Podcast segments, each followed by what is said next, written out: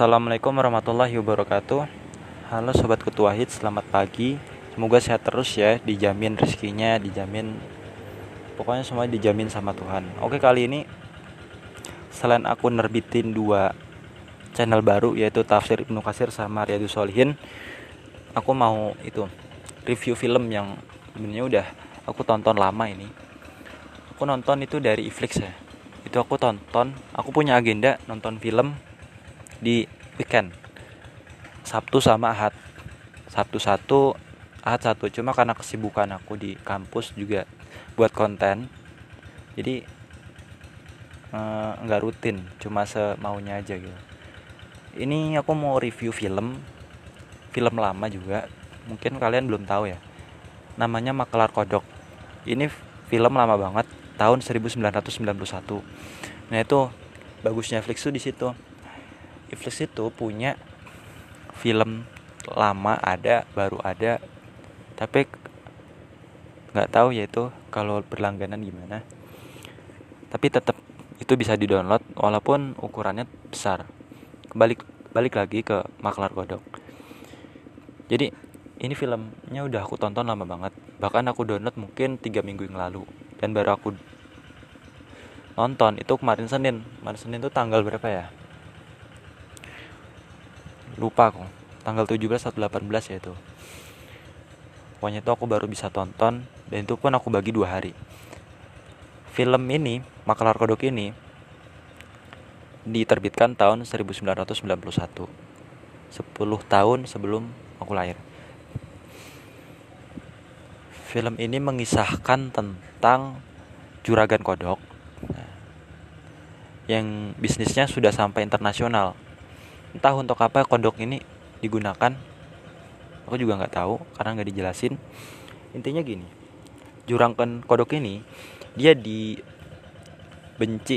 sama anak buahnya. Anak buahnya tuh pengen menjatuhkan si bos ini.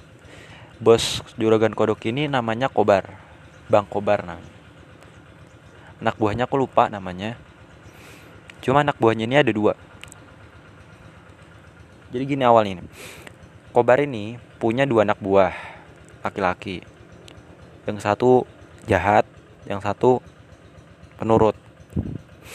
Yang penurut ini aku ceritain bahwa dia tuh perawakannya tinggi terus suka pakai kacamata.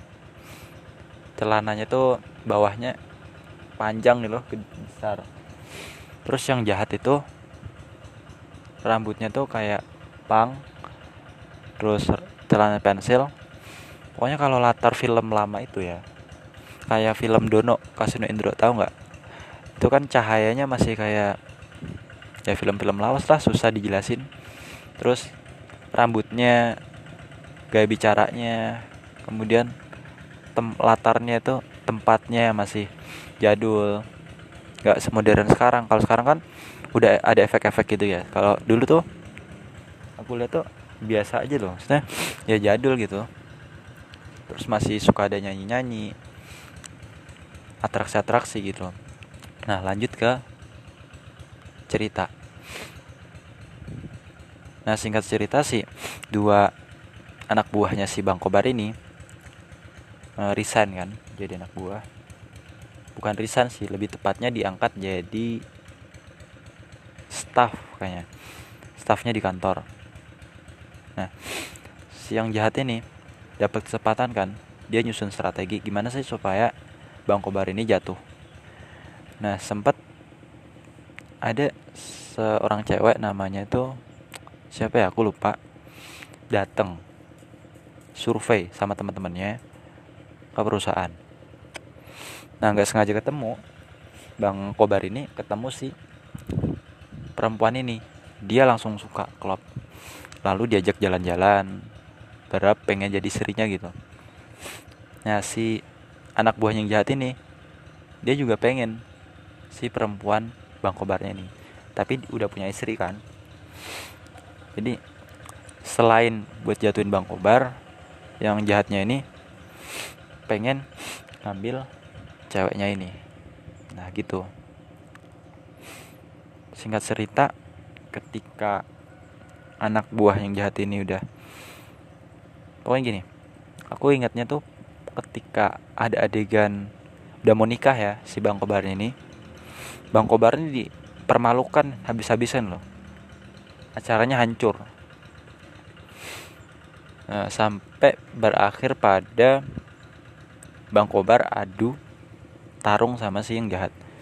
Ini lucu ya tarungnya tuh bukan fisik cuma kayak pertanyaan kobar ini dikasih tiga pertanyaan. Tapi pertanyaannya aneh gitu. Seperti berapa jumlah kodok di Cina? Terus siapa nenek moyang yang jahatnya? Tapi alhamdulillah Bang Kobar menang 2-1 nah setelah itulah si yang jahat mengaku kalah dan mengikhlaskan Bang Kobar dengan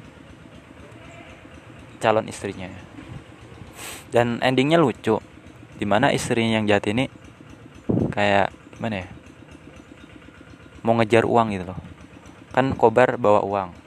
Nah istrinya yang jahat tertarik sama uangnya dan dia nggak bisa mau ngejar tuh nggak bisa karena bajunya kecantol gitu loh.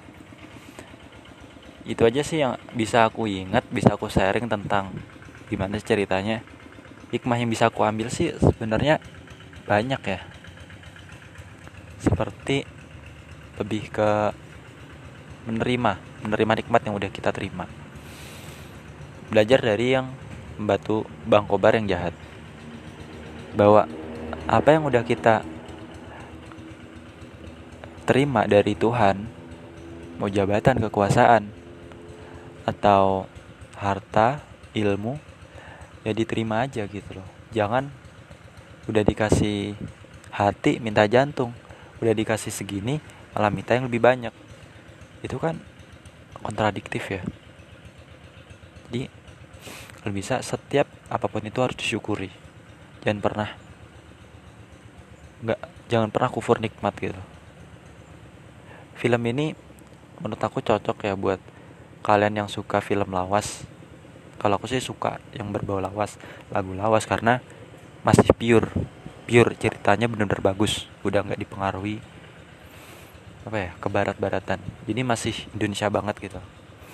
Mungkin sekian aja ya review film apa Juragan eh Makelar Kodok yang diterbitkan pada tahun 1991 mungkin ada salahnya aku mohon maaf. Sampai jumpa di podcast selanjutnya. Wassalamualaikum warahmatullahi wabarakatuh